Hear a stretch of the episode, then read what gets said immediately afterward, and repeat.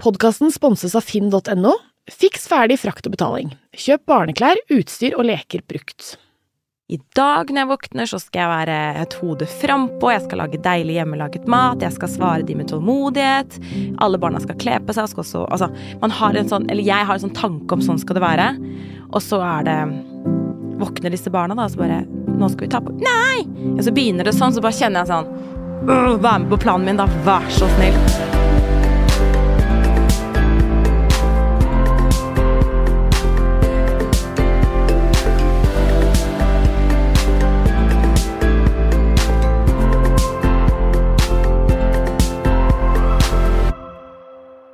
I denne podkasten Familiekoden så er det du, Reidar Gjerman, psykologspesialist, som skal veilede oss og gi gode råd. Sånn at vi kanskje kan bli litt tryggere som mammaer og pappaer. Jeg, Katrine Moholt, er programleder, og sammen så skal vi bli kjent med ulike foreldrestiler og forskjellige profilerte mennesker som vi kjenner fra før, men som vi skal bli enda bedre kjent med gjennom hvordan de er som foreldre. Er du spent på dagens gjest, Reidar? Veldig. Hun eh, kommer fra et univers som jeg ikke er så godt kjent med. Eh, det er dette her influenseruniverset. Det, det kjenner jeg ikke til, så det er nesten som å ha noen fra en annen planet. Ja. Så velkommen til jorden. Tusen hjertelig takk. Ja, for det er eh, du, Nikoline Anundsen, som er gjest i dag.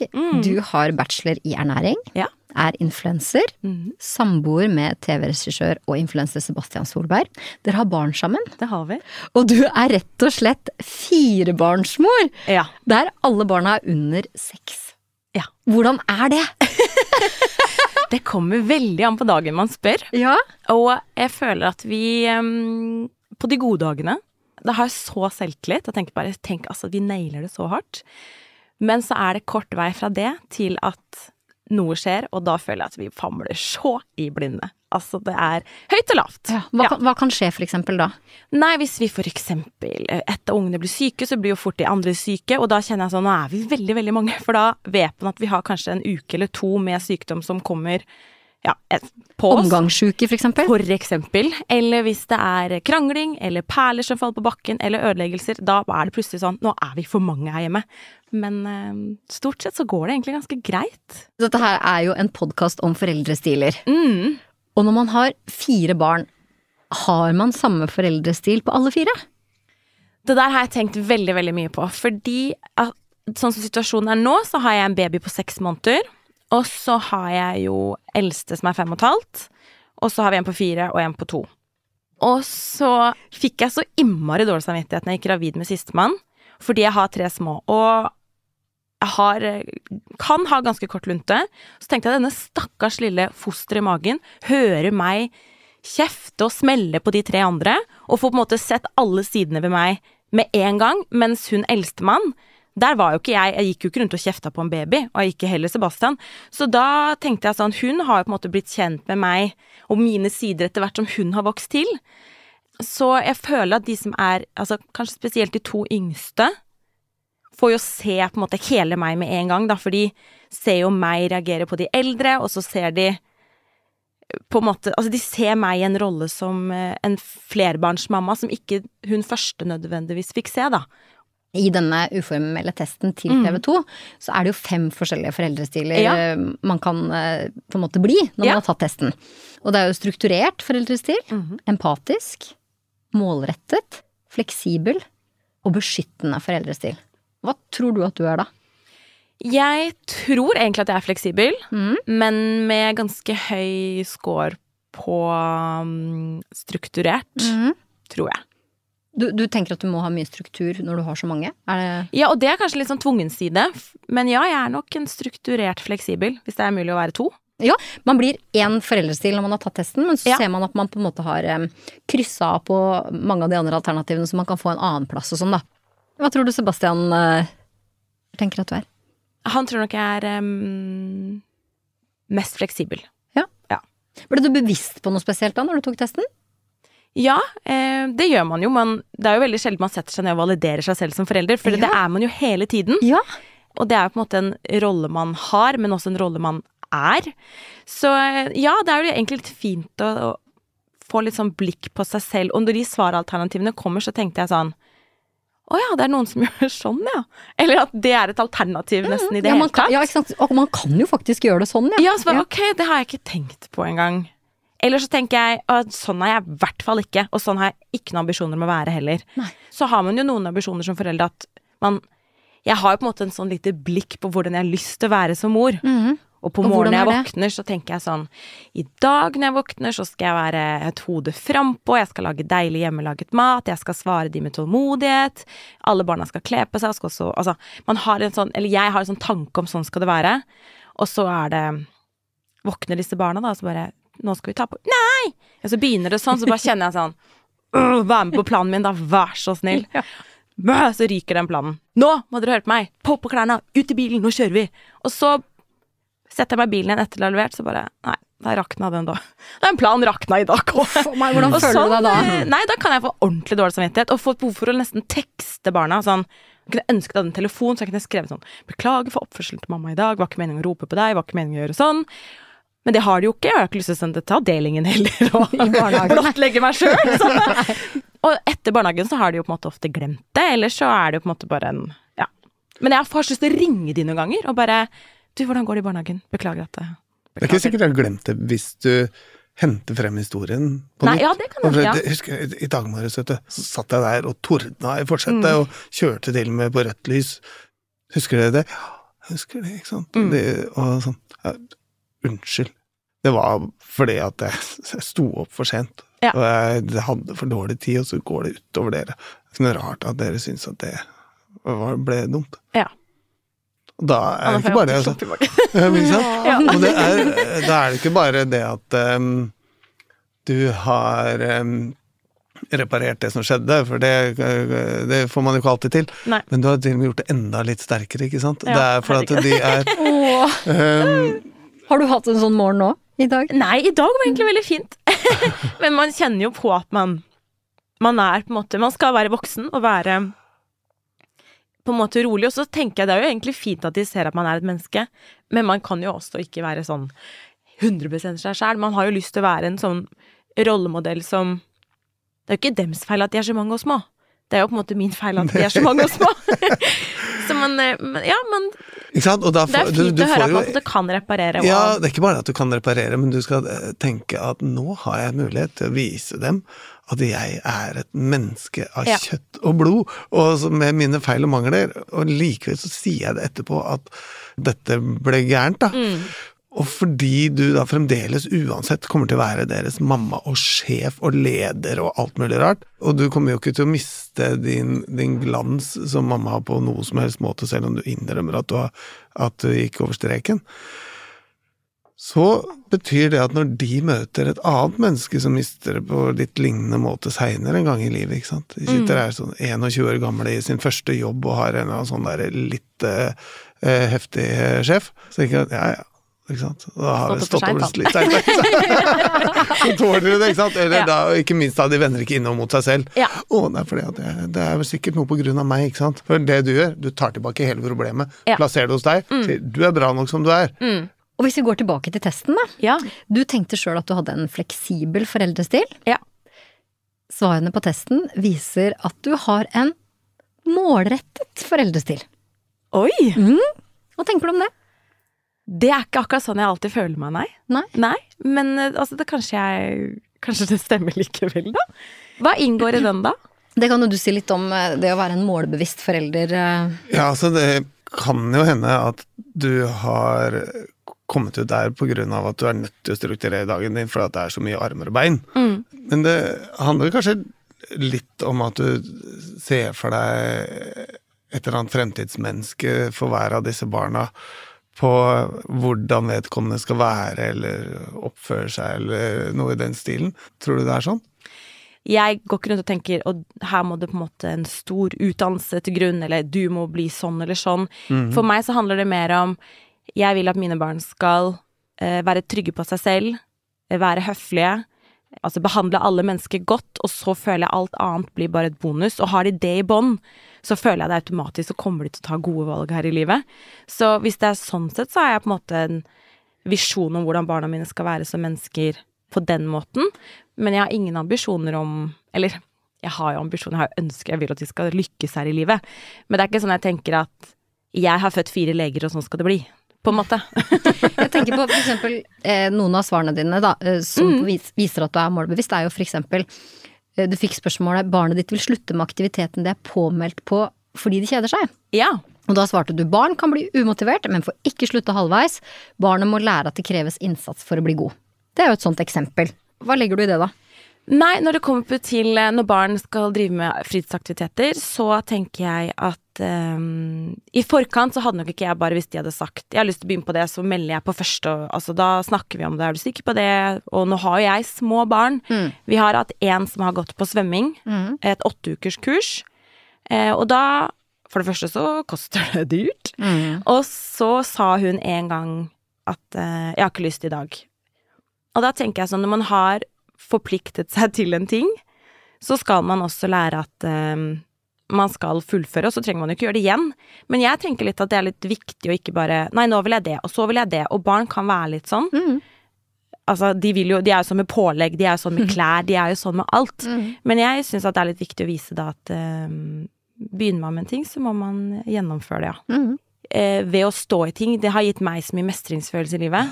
Og den mestringsfølelsen er jo også det jeg har lyst til å gi barna. Fordi hvis man alltid gir seg med en gang, så føler jeg så får man ikke oppleve at hvis jeg sto i det, så greide jeg det. Og det gir en sånn Klarte jeg det, så klarer jeg det, og klarer jeg det, så klarer jeg det. Og det er også en ting jeg har lyst til å gi barna mine, at det kan være kjipt, og det kan føles kjipt der og da, men du har det i deg at du klarer det. Og det var det også litt med det svaret. Det svaret syns jeg føles veldig strengt. Og det føler jeg heller ikke helt gjenspeiler eh, Jeg er enig med resultatet av svaret, men kanskje ikke helt metoden, for jeg ville kanskje sagt mer ehm, Altså vært mye mer motiverende i hvordan man sier det. Så hvis hun hadde kommet til meg, så hadde jeg ikke sagt 'ferdig, vi meldte oss på', du kjører løpet ut, ferdig snakka. Så ville jeg vært mer em, motiverende i måten man gjør det på. Kanskje ok, hva hvis du og mamma gjør det som en alenetid-ting, for det gjorde vi litt. Jeg var da høygravid med Nei, han hadde akkurat kommet, minsten. Da kan lillebror og jeg følge deg dit, og så har vi liksom alenetid, og så kan vi spise middag sammen, kanskje på kafé. At man hele tiden motiverer, men du skal gjennomføre. Det er på en måte resultatet, uten at det er det som har blitt formidla til henne, da. Ja. Vi har jo et annet eh, spørsmål også. Barnet ditt får servert noe det ikke har smakt før, men som det ikke liker. Og da svarer du at barnet vet veldig godt at det må smakes på maten før det sier nei takk. Ja. De vil ikke maten etter hvert. Og du er jo ernæringsfysiolog, og da Hvorfor er det så viktig for deg? Det er en av på en måte våre regler. Alle må smake. Uten at det er sånn at man tvinger, men når barnet ikke har smakt og sier at de ikke liker, så mener jeg da har du ikke noe grunnlag for å si at ikke du liker. Nei. Men, men hvis de absolutt ikke vil, da, de nekter, hva gjør du da? Jeg sier til de, har en liten sånn hvit løgn, som jeg sier til de at da de var små, så likte ikke de godteri, de likte ikke is, de likte ingenting. Og nå, hva gjør dere nå? Og da sier de vi elsker det. Ja, det kan skje med tomat, det kan skje med Du, nå røper Alt. du dette på podkasten. Når, de- når de sitter nå og hører på dette her, så Men det er min sånn eh, Og så har de jo erfart da etter hvert at de har oppdaget at jeg likte ikke agurk før, men nå liker jeg det. Så da stemmer jo min teori. Hvordan får du da til å ikke tvinge dem til å spise, men Ja. likevel det der å smake? For at hvis du tvangsfôrer, så kommer de jo aldri mer til å spise det Nei. som du tvangsfôrer med. Nei, nei, nei. Ikke sant? Mm. Så eh, hvordan fikser du den balansen? Vi har for eksempel aldri sånn Sånn som var kanskje litt mer på 90-tallet da jeg var barn. Hadde man fisk, så fikk man dessert, og da sier man jo på en måte underbygger det at fisk egentlig ikke er så godt, og da må du få belønning for å spise Ah, fisk. Ah, Få dessert for å spise fisk. Ja. Sånne ting føler jeg at vi bare prøver å ikke ha noe fokus på. Vi som voksne spiser alt. Så det nytter jo ikke å si til barna at du må spise det og det, hvis ikke du sitter og spiser det selv. Mm. Så jeg syns ikke kokt gulrot nødvendigvis er det beste, da vil jeg heller ha en rå. Men eh, jeg spiser det jo, og føler at jeg må vise de at når man sier det, så må man også gjøre det. Eh, og så har vi den regelen om at alle må smake på alt. Det er ikke noe farlig å ikke like noe. Og det kan de også erfare at eh, jeg tok til munnen min, jeg likte det ikke, men det er lov å ta det ut. Du må ikke spise det. Du må det på en måte bare smake på det. Liker du ikke, så liker du ikke. Og så ser vi av og til at de tar så vidt til tunga på det, jeg liker ikke. Og da prøver vi heller å ha humor på bare Nå smakte du ikke engang. Det der var bare tull. Og så er det én middag. Det er ikke noe custom middag til fire forskjellige. Og for det, igjen så går ikke det hjemme hos oss. Jeg kan ikke stå og lage fem ulike middager. Men, men vi har gjort, gjort det på den måten, føler du at barna dine også da er flinke til å smake på ting og spiser det meste? Altså, jeg føler egentlig det, og så er de med på å lage mat. Ja. Jeg slipper de til, de får lov å skjære, og jeg føler at hvis de er med på å lage mat, så blir de litt mer stolte og syns at det smaker, eller at da er de litt mer sånn Det er jeg som har laget denne, og har litt mer lyst til å spise det selv. Så du involverer barna dine, for i eh, TV-programmet Familiekoden på TV 2 har vi jo da disse ni forskjellige foreldrestilene, Ja. eh, og foreldrene får da utfordringer som de skal gjøre sammen med barna sine. Og da er jo en av oppgavene det å ta med seg barna på f.eks.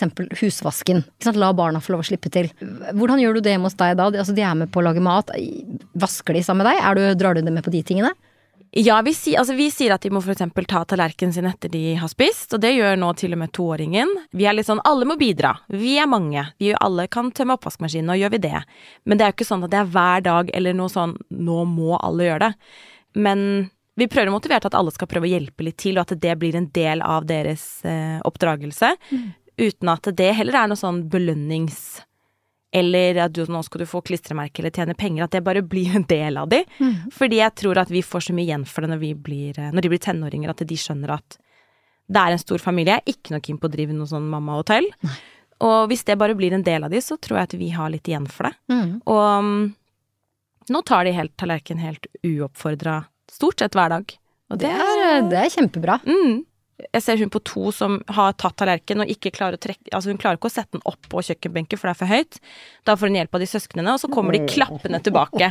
Og så skal de få applaus, da. Og så gjør de det, og så syns de det er kjempegøy. Mm. Det er jo helt fantastisk. Ja, det er altså, det, er- det ga en veldig god følelse i kroppen, altså. Ja. Ja, det gjorde det. det var, eh, jeg ser det liksom for meg, det her toåringen som går og så Og så i tillegg, da, så er det sånn Nei, du kan ikke bære ned en tallerken, for den kan knuse, liksom. Og så da tror jeg nesten jeg har svaret på neste spørsmål, og det er hva skjer hvis det velter noen glass eller eh, det går noe i bakken? Så er ikke det så innmari Da må man tåle det òg.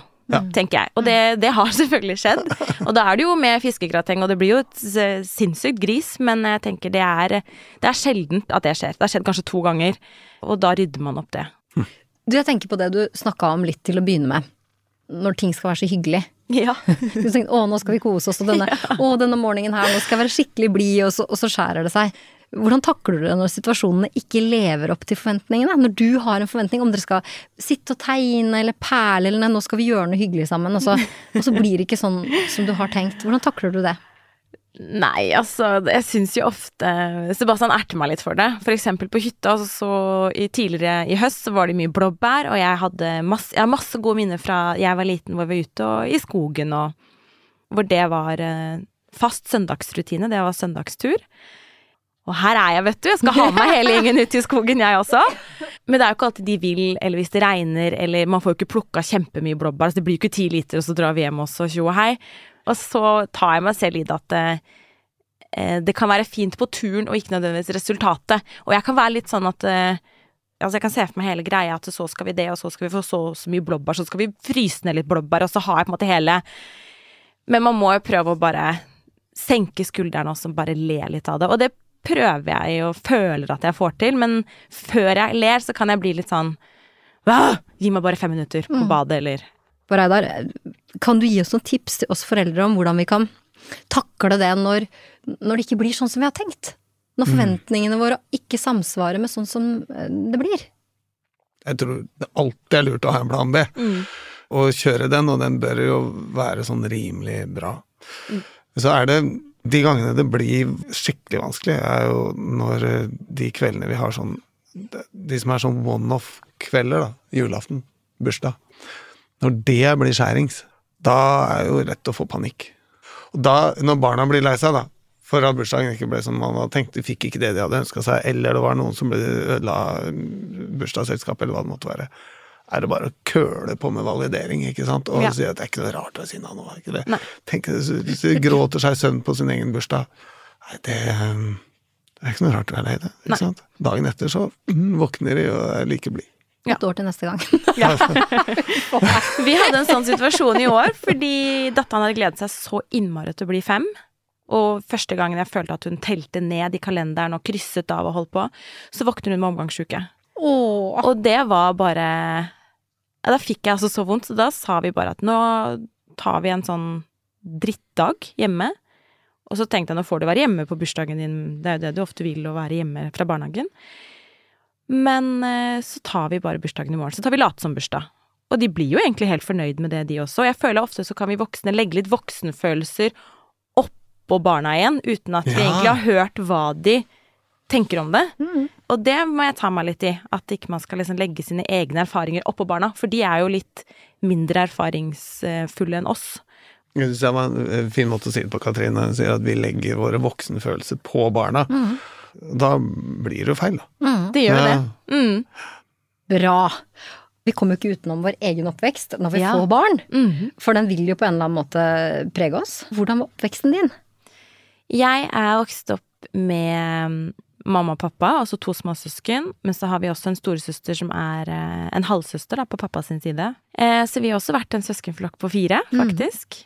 Hva har du tatt med deg da, fra din egen eh, oppvekst inn i din egen foreldrestil? Jeg, altså både mamma og pappa var eh, strenge, men jeg hadde samtidig frie tøyler. Så jeg følte at jeg hadde fritt spillerom så lenge jeg på en måte fulgte de reglene som jeg visste var. Men for eksempel så fikk jeg lov å kokkelere på kjøkkenet fra jeg var bitte liten, klatre opp og hente kjøkkenmaskiner og, og lage mat fra jeg var ja, sikkert syv år gammel. Og sånne ting ga veldig selvtillit. Samtidig som jeg visste også hva som var hva som var greit og ikke greit. Og jeg husker veldig godt at hvis jeg hadde med venninne hjem, og de spurte å, kan vi ikke overnatte, eller sånn, og så spurte jeg, og hvis de sa nei, så visste jeg så innmari godt at nei er nei. Det var ikke, og fikk ikke rikka på den Nei. avgjørelsen. Hadde de sagt nei, så var det nei. Og da husker jeg noen venninner var sånn, herregud, bare spør igjen, så sier de til slutt ja. Så tenkte jeg sånn, nei, sånn, sånn har ikke jeg det her hjemme. Jeg visste veldig godt hvor mine rammer var. Mhm. Jeg tror kanskje jeg likte å ha det sånn. Mamma fortalte at da jeg var em, liten, og hun hadde lillesøsteren min da var jeg tre år, så lekte jeg hage, men det var en, altså det var en åpning uten port. Der tegnet hun en krittstrek og sa at her får ikke du lov å gå på utsida. Og da hørte jeg på det. Mm. Da hadde hun sett at jeg tasset liksom så langt jeg kom, og så kikket på andre siden. Hva finnes på andre siden av streken? Så veldig sånn, Hvis jeg fikk en regel, så fulgte jeg den, og så var jeg veldig grei å ha med å gjøre.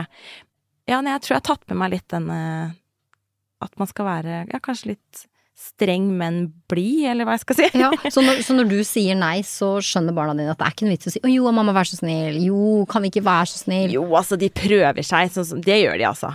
Men du er opptatt av det å, å sette jeg- den grensa når du først har sagt nei, det blir ikke overnatting nå.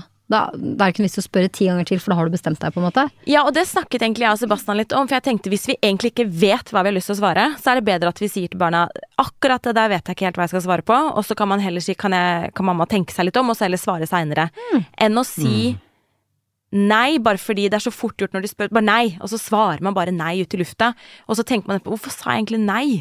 Det var litt dumt. Det, jeg, det var jo egentlig greit. Og da er det dumt, føler jeg, at de skal oppfatte at man kan si nei, nei, nei, og så mase, og så til slutt mamma sier ja til slutt. At det er heller bedre å si vet du hva, ikke spør meg akkurat nå, jeg har ikke tid til å tenke på det nå. Eh, Jeg skal tenke på det, og så svarer jeg det etterpå. Ah, For da- Dette her er rett ut av familiekoden-håndboka. Musikk i dine ører, Reidar. Dette er musikk i Reidar ører, altså. Er det det? Ja, ja. Altså, så bra, da. Eh, og jeg sier ikke at det skjer hver gang, altså. Det er av og til jeg kaster ut et nei, og så tenker jeg søren. Og da tenker jeg heller, da får jeg heller bare stå i det nei-et. Ja, Fordi- Ja, trenger man det? Ja, trenger man det? For, Nei, jeg vet ikke. Ikke sant? Og da, hvis det står i nei, da, så altså, det, det kan jo hende de kommer drassende med noe informasjon du ikke hadde på forhånd, da. Ikke sant? Og Ja. legger inn det i neste forespørsel. Ja, for det liker jeg. Og, og hvis du da står på et nei fordi eh, det er et nei, og så til slutt så blir det der fordi jeg har sagt det, Ja. argumentet, ikke sant. Da er man jo ute å kjøre. Men jeg kan like at de får se at eh, hvis jeg argumenterer nå, så kan jeg argumentere meg til et ja hvis jeg har gode argumenter. For det også må gi de litt selvtillit og skjønne at jeg, hvis jeg kom med et godt poeng nå, så, så kan jeg rikke på det uten at det var bare fordi jeg maste. Nettopp. Men Du skal er jo jo- i lønnsforhandlinger en eller annen gang. Ja, men mine er bare fem, maks fem, holdt jeg på å si. To, fire og fem. Så de har jo ikke veldig gode argumenter sånn enda. Men eh, jeg tenker jo at hvis de blir tenåringer og stier kommer med liksom en forklaring på hvorfor de ønsker det likevel, så skal ikke jeg være superbastant, men de skal vite at man kan ikke bare mase seg til det man vil. Det er litt viktig for meg, tror jeg. Mhm. Mm. Tenk på, Du har da fire barn, eh, Mm. vokst opp i en søskenflokk på fire. Hvordan er det å vokse opp i store søskenflokker? Reidar? Kan du si noe om det? Jeg tror kanskje det å ha mye folk rundt seg sånn gjør at man blir ganske smidig sosialt. Det er i hvert fall et potensial for det. Og man får bryna seg på en del sånne forhandlingsteknikker, og eh, ikke minst at eh, konflikt betyr ikke at verden går til grunne. Ikke sant? Altså, det, er, det er nok av mennesker som har blitt voksne nesten uten å ha vært gjennom noen sånn ordentlig ramsalte krangler, og da kan det fort bli litt vanskelig å ende opp i et parforhold, da, for eksempel, eller med en eller annen kjip eh, kollega på jobben som man krasjer med, eller noe sånt. Så nei, alt dette her er bare gull, vet du, at de får bryna seg på hverandre og sånn. Og så er det du som har den så tett, da. Det er jo, kan jo til og med være lekekamerater, ikke sant. Ja, det du, kan, du kan jo dra på ferie med bare dem, og så holder det. Ja, det, og det føler jeg. ja. Og så syns jeg også jeg hadde Jeg gikk en liten tur til psykolog eh, når jeg hadde, var gravid med nummer fire. Og så var jeg veldig bekymra for at jeg skulle få en til, og så tenkte jeg nå har jeg satt meg ordentlig fast i søla. Hva, hva, hva så skal dette gå? Det hun sa da, var at For jeg følte at jeg var så dratt Jeg får jo ikke vært en like god mor for nummer fire som jeg var for nummer én. Hun satt jo aldri alene, ikke sant, mens han nummer fire blir jo lagt ned med en gang han er rolig, så bare å, nå må du ligge der litt. Men så sa hun men hvis du legger litt merke til det, han har jo besøk av alle sine storesøsken. Han kommer hjem til eh, fem personer som er glad i han. Eh, han har eh, ja, unik kjærlighet fra fem stykker, da, mens hun første hadde jo bare dere to. Så sånn sett så har de fått ulike, men ulik betyr ikke dårlig, og det hjalp meg veldig Det hjalp meg veldig å liksom tenke på det, da. Og så sa han også at du er jo bare 100% og du får ikke vært 100% for alle, men det er likevel liksom det er nok, da, å være på en måte Det var veldig fint, så det Det gitt meg litt sånn ro på at det at man er en god nok mor for alle, selv om man ikke gir de 100 tid. Fordi at familien også gir eh, kjærlighet og omsorg, da. Så det var litt godt. Mm. Du, Nikoline, du skal få lov til å stille Reidar eh, spørsmål. Hvis Ja. det er noe du liksom har tenkt på som, som er vanskelig eh, i din situasjon akkurat nå. Har du noen spørsmål du har lyst til å få hjelp av Reidar med? Det har jeg. Mm. jeg. eh, Som dere nå vet, da, så har jeg jo disse fire som er veldig tett. Mm. Og så ser vi at de er fire ulike personligheter, og jo eldre de blir, minst man er seks måneder, men man vil jo se mer og mer at de er fire ulike personer. Og så eh, lurer jeg litt på hvor ulik foreldrestil skal man kjøre etter personligheten deres, hvis de for eksempel har gjort samme rampestrek, for eksempel. La oss bare tusja på veggen, da. To stykker har funnet på det. Den ene personen tåler mer kjeft, og den andre tåler ikke Er mer kjeft. men på en måte? Ja. Er en mer skjør person, og hvordan skal man på en måte håndtere en sånn situasjon? Jeg tenker Først så kan man jo stille seg spørsmål om kjeft i det hele tatt har noe for seg. For vi har jo slutta med det på jobben, for eksempel. mm. å kjefte på En sjef vil jo ikke nå kjefte på folk som ikke gjør jobben sin. Da skjønner han at det blir jo ikke noe bedre ut av det. Vi har jo til og med slutta å kjefte på bikkjene våre, ikke sant. Så det er, men fremdeles så holder vi på med barna, da, og det er jo Føler du at du kjefter? Jeg føler ikke at jeg kjefter for, for å bare kjefte, men jeg føler at hvis det koker litt over, så kan jeg finne på å bare ja, heve stemmen og Og det er ikke noe jeg sier med sånn kjempestolthet, men man må jo bare være ærlig at eh, ja, jeg kan miste hodet og ja, kjefte, rett og slett. Nikoline, der er du i samme båt som alle andre foreldre, Ja. eh, så velkommen dit. Ja, velkommen i båten. og så eh, Jeg vil gjerne slå et slag for det å ikke kjefte likevel.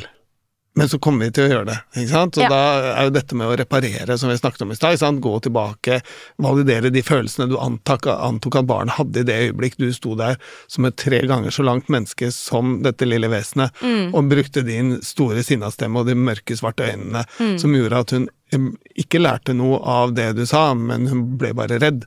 Og, og du kan fortelle til henne at nå skjønner jeg at du er redd, jeg kommer her og jeg er mye større enn deg, og du er til og med mora di, og ikke sant, og så, alt dette. Øh, validere de følelsene, gi henne trygghet på at hun er elsket selv om ikke sant, og det var det, du tar ansvaret for det som skjedde der og da. Og så kan du på et annet tidspunkt altså, lære henne at du, det er fint med tusj, men ikke på tapeten. Mm. sånn, vi som er voksne, vi syns det er fint med sånn blomster og sånt som er lagd av noen andre, ikke de du tegner. Ikke sant? så det er ikke sant? Så, så, så, så sier du at det er noen som tåler selve kjeftinga bedre enn andre, kanskje. Eller noen er litt mer robuste. Skal Eller du at da noen gønne kanskje på med trenger at man må si det, altså, det der er ikke greit, mens den andre trenger å på en måte Så jeg skjønner ikke helt hva jeg skal Eller jeg skjønner Ja, ikke hva men jeg ikke sant, mener. at det- grensesettinga. Ikke sant? Ja. Det å si stopp, Mm, det kan du ikke gjøre. Du har en som blir så rasende at han eh, løper og slår et, et søsken, eksempel. Og så har du en som aldri vil finne på det, men som gjør et eller annet gærent, men som blir utrolig lei seg med en gang du hever stemmen. Det er klart, Du skal tilpasse deg den enkelte og vedkommendes temperament osv. Noen ganger så må du si stopp på en høyere måte til et, eh, et barn enn til et annet, osv. Men når det gjelder sånn kjefting, sånn der eh, grisekjefting, altså, det, det kommer du ikke noen vei med likevel. Nei. Så kan like gjerne la være. Og jeg tenker ofte på det at barna er jo veldig mye mindre enn oss i størrelse. Og hvis du ser for deg at, um, at du skal bli kjefta på av et menneske som er like mye større enn deg, som du er større enn en treåring, da, for eksempel. Så blir du kjefta på av en på nærmere fire meter, ikke sant, eller i hvert fall tre og en halv.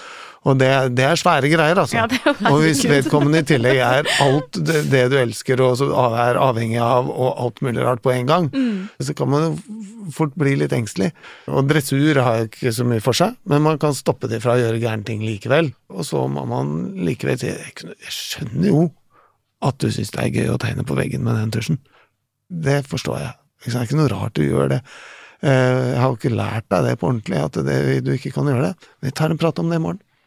Mm. Hva tenker du om det, Nikoline? At jeg må telle enda litt mer til ti. og også liksom være litt klokere i sånne situasjoner, når eh, sånne ting oppstår. Fordi det er jo ofte at sånne ting skjer på toppen av et eller annet, Mm. matlaging og klesvask, at man er allerede litt sånn Åh, det også! Skal dere liksom Jeg har nok å Jeg har nok å vaske. Eh, at man skal heller bare skal telle til ti, også, heller eh, Jeg får sagt noen kloke ord som faktisk går inn, da. Og hjem hos de.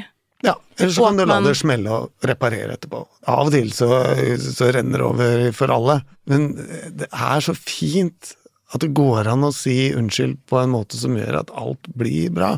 Så lenge ikke det er noe som pågår hver dag, og at det er selve melodien i familien, for da kan man jo gå og søke hjelp. Når vi kjenner at det koker over, da. For det kjenner vi jo alle noen ganger når det er, det er fullt kaos rundt oss, og vi driver med noe helt annet, og så skjer det noe oppå, som du sier. Hva kan vi gjøre med det da, Reidar, når vi kjenner at sinnet bare bobler, og du, du, du har lyst til å bare hyle og skrike og kaste noe i veggen? Hva, hva gjør vi da? Så er det jo barn til stede. Mm. Hvordan kan vi rett og slett Gå i et annet rom. Ja. Og, eh, og Nikoline er så heldig at hun har en medforelder i samme hus, så hvis han er hjemme, så er det jo greit Du tar Nå tar du deg av denne situasjonen, og så går du ut på verandaen, og så trekker du litt luft, eller så gjør du et eller annet Mm, Rett og slett, Eh, det- det som voksen gå altså. ut av Ja, ja. situasjonen, ikke ja. Og så er det faktisk mulig å snakke med barna om det på et tidspunkt hvor alt er fredelig. Altså jeg er veldig tilhenger av disse her fredssamtalene når alle er rolige og sånn. Dere, på torsdag så må vi snakke litt sammen. For at, du skjønner, dere har sikkert lagt merke til at mamma blir eh, litt sånn oppskjørta, særlig på visse tidspunkter på dagen. Det er fordi at jeg både skal vaske, og jeg skal lage mat, og i tillegg så, er det, så blir det så veldig mange ting. Og da hender det at jeg blir sintere enn det jeg ellers var. Det er ikke deres skyld. Og hvis jeg da plutselig stormer ut på verandaen, så er det fordi at jeg bare må liksom tenke meg om litt. Så kommer jeg tilbake og elsker det like mye. Er det greit? Ja, ja, ja, mamma sier det, og så løper det til sitt, ikke sant. Ja. Og apropos dette, så, så har jeg jo også perioder hvor jeg føler at jeg vil sette meg ned og på en måte høre etter hva de syns, og så sier Sebastian vi kan ikke validere hver eneste følelse her i verden. Sånn er ikke verden utenom, at liksom alle validerer jo ikke alle følelsene. Så han syns av og til at jeg skal liksom sette meg litt for mye ned og høre hvor mange og hvor ofte skal man validere alle følelsene som kommer og oppstår i løpet av en dag. Hvis du skjønner hva Ja, jeg ja, mener. altså, hvis du har tid til det, sånn, det har du jo ikke. Så, Nei, altså, sånn typisk et eh, rent eksempel er eh, vil ha på den strømpebuksa, vil ikke ha på den strømpebuksa likevel, ville ha på den, men ikke den likevel. Ja, men da tenker jeg det er greit å ile til, og så kan du si til uh, Sebastian da, at uh, det at jeg validerer følelsene deres, betyr ikke at jeg er enig. Hvis hun gjerne vil ha på seg cowboyhatt i stedet for pelslue når det er minus 20 grader ute, så kan jo jeg validere at hun vil ha på seg den cowboyhatten. Men det betyr ikke at jeg kommer til å gå med på at hun skal gå med cowboyhatt eh, midtvinters. Men hvordan skal man si det, da? For bunad er en, et plagg som vil brukes eh, støtt og stadig. Og hvordan, eh, Hvordan skal man på en måte Det er jo ikke noe rart at du vil bruke bunad, det er jo det fineste plagget vi har. Ja, Ikke sant? men, det skjønner jeg godt. men i dag blir det dette. Da var det et ord som kom inn der, sånn men. Ja. Det eh, kan du droppe. Så et stor plakat på veggen hvor det står 'men', stort rødt kryss over, og så bytter du det ut med 'fordi'. Det er ikke noe rart at du vil bruke bunad eh, nå i dag når du skal i barnehagen. Mhm. For det er jo Da vil jo alle si at du er så fantastisk fin i den der bunaden. ja. Kanskje vi skal finne en annen dag da, hvor du kan bruke bunad når du kommer hjem etter barnehagen eller en dag eller noe sånt, skal vi, kan vi planlegge det litt ordentlig. Mm. Og i dag, når du skal i barnehagen og det er regnvær og sånne ting, da må vi ha på sånne regnklær. Mm. Husker du hva det var for noe rart? Ikke sant? Ja, det var skjæroksen og sånn. Ja, akkurat det. Og dette syns jeg er veldig fint. Og så er det jo fortsatt toåringen da, som jeg kjenner eh, ikke man kan ha så fornuftig samtale med. Men det kommer vel til etter hvert. Ja, han blir jo eldre. Ikke sant? Ja, En sta toåring skal, skal mye til for å rikke på en bunad. En toåring som vil ha på seg bunad. Det er nok riktig. Ja. En toåring er jo i ferd med å bli et eget individ i sitt eget hode, og da er det ikke så rart at det blir litt stri. Nei, det Men, men så pleier vel du også å si, Reidar, at eh, gi kanskje heller da to alternativer. Ikke sant? Ja. At, eh, Ja, det det blir ikke bunad i dag, men hva med den eller den? Du Ja. kan få velge. Det er ditt valg. Ja. Vil du den eller den?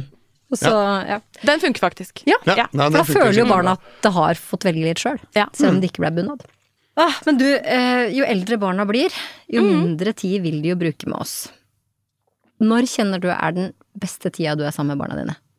Det er um, ved legging, syns jeg. Veldig sånn fin tid. Synger du også for eh, barna? Det gjør jeg. Hva synger du da, Nikoline? Vi synger eh, mye forskjellig. De får ofte velge. Og så synger jeg en sang som uh, mamma sang mye for meg, som jeg syntes var veldig stas når hun sang for meg da jeg var liten. Eh, men det går i Trollmor, Bæ bæ lille lam, Dukke Lise, Jeg vil bygge meg en gård, Blinke blinke stjerne Mange forskjellig. Og hvis du skal velge deg en av de da som, eh, som Reidar og du kan spille og synge som en avslutning, da, hvem vil du velge da? Da vil jeg gjerne synge Eller gjerne synge! Det er vi så glad for å høre! Da vil jeg veldig gjerne synge Dukke Lise, fordi i den teksten så har jeg misforstått teksten i alle år. Men så syns jeg det er litt vittig, fordi den teksten som jeg har misforstått, funker på en måte likevel. For på slutten der så synger man at eh, mamma er hos deg og passer på. Og jeg trodde at når jeg var liten, så er det mamma, hun hoster, men passer på. Og da tenkte jeg liksom at mamma skulle forklare meg at uansett om jeg er syk eller hva som skjer, så, så passer jeg på deg. Og jeg husker jeg tenkte sånn, ok, når jeg er syk, så må jeg ligge i senga med mamma. Hun, hun kan ikke ligge i senga når hun er syk. Hun hoster, men hun passer på likevel. Så liksom, jeg tenkte at det var sånn, uansett om hva som er med henne, så må hun passe på meg. Og det stemmer jo litt likevel, for det er jo sånn det er. Det er faktisk sånn det er. Men det er jo ikke det som er teksten.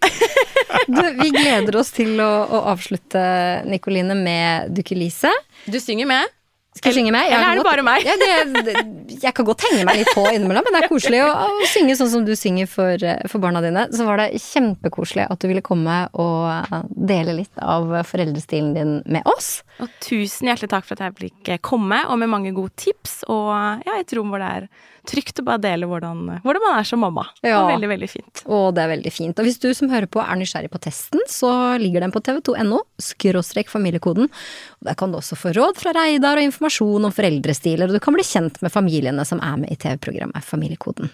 Men nå, her kommer Sov dukke Lise, som Nikoline synger med barna sine på kvelden. Med den stemmen jeg har, altså. Og det er ikke noe storartet. synger, vi, her synger vi alle med stemmen vi har. Så bra.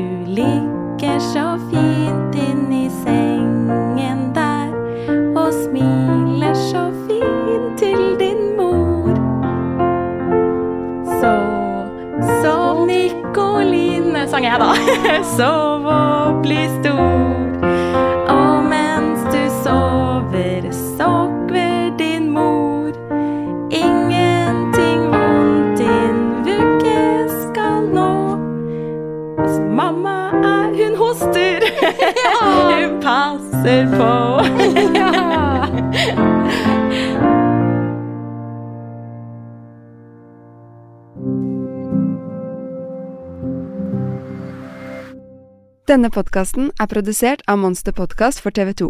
Produsent er Kjersti Kvam. Etterarbeid er gjort av Espen Rogne. Ansvarlig produsent for Monster er Mira Khan, og for TV 2 Mari Vattum. Redaktør i TV 2 er Trygve Rønningen.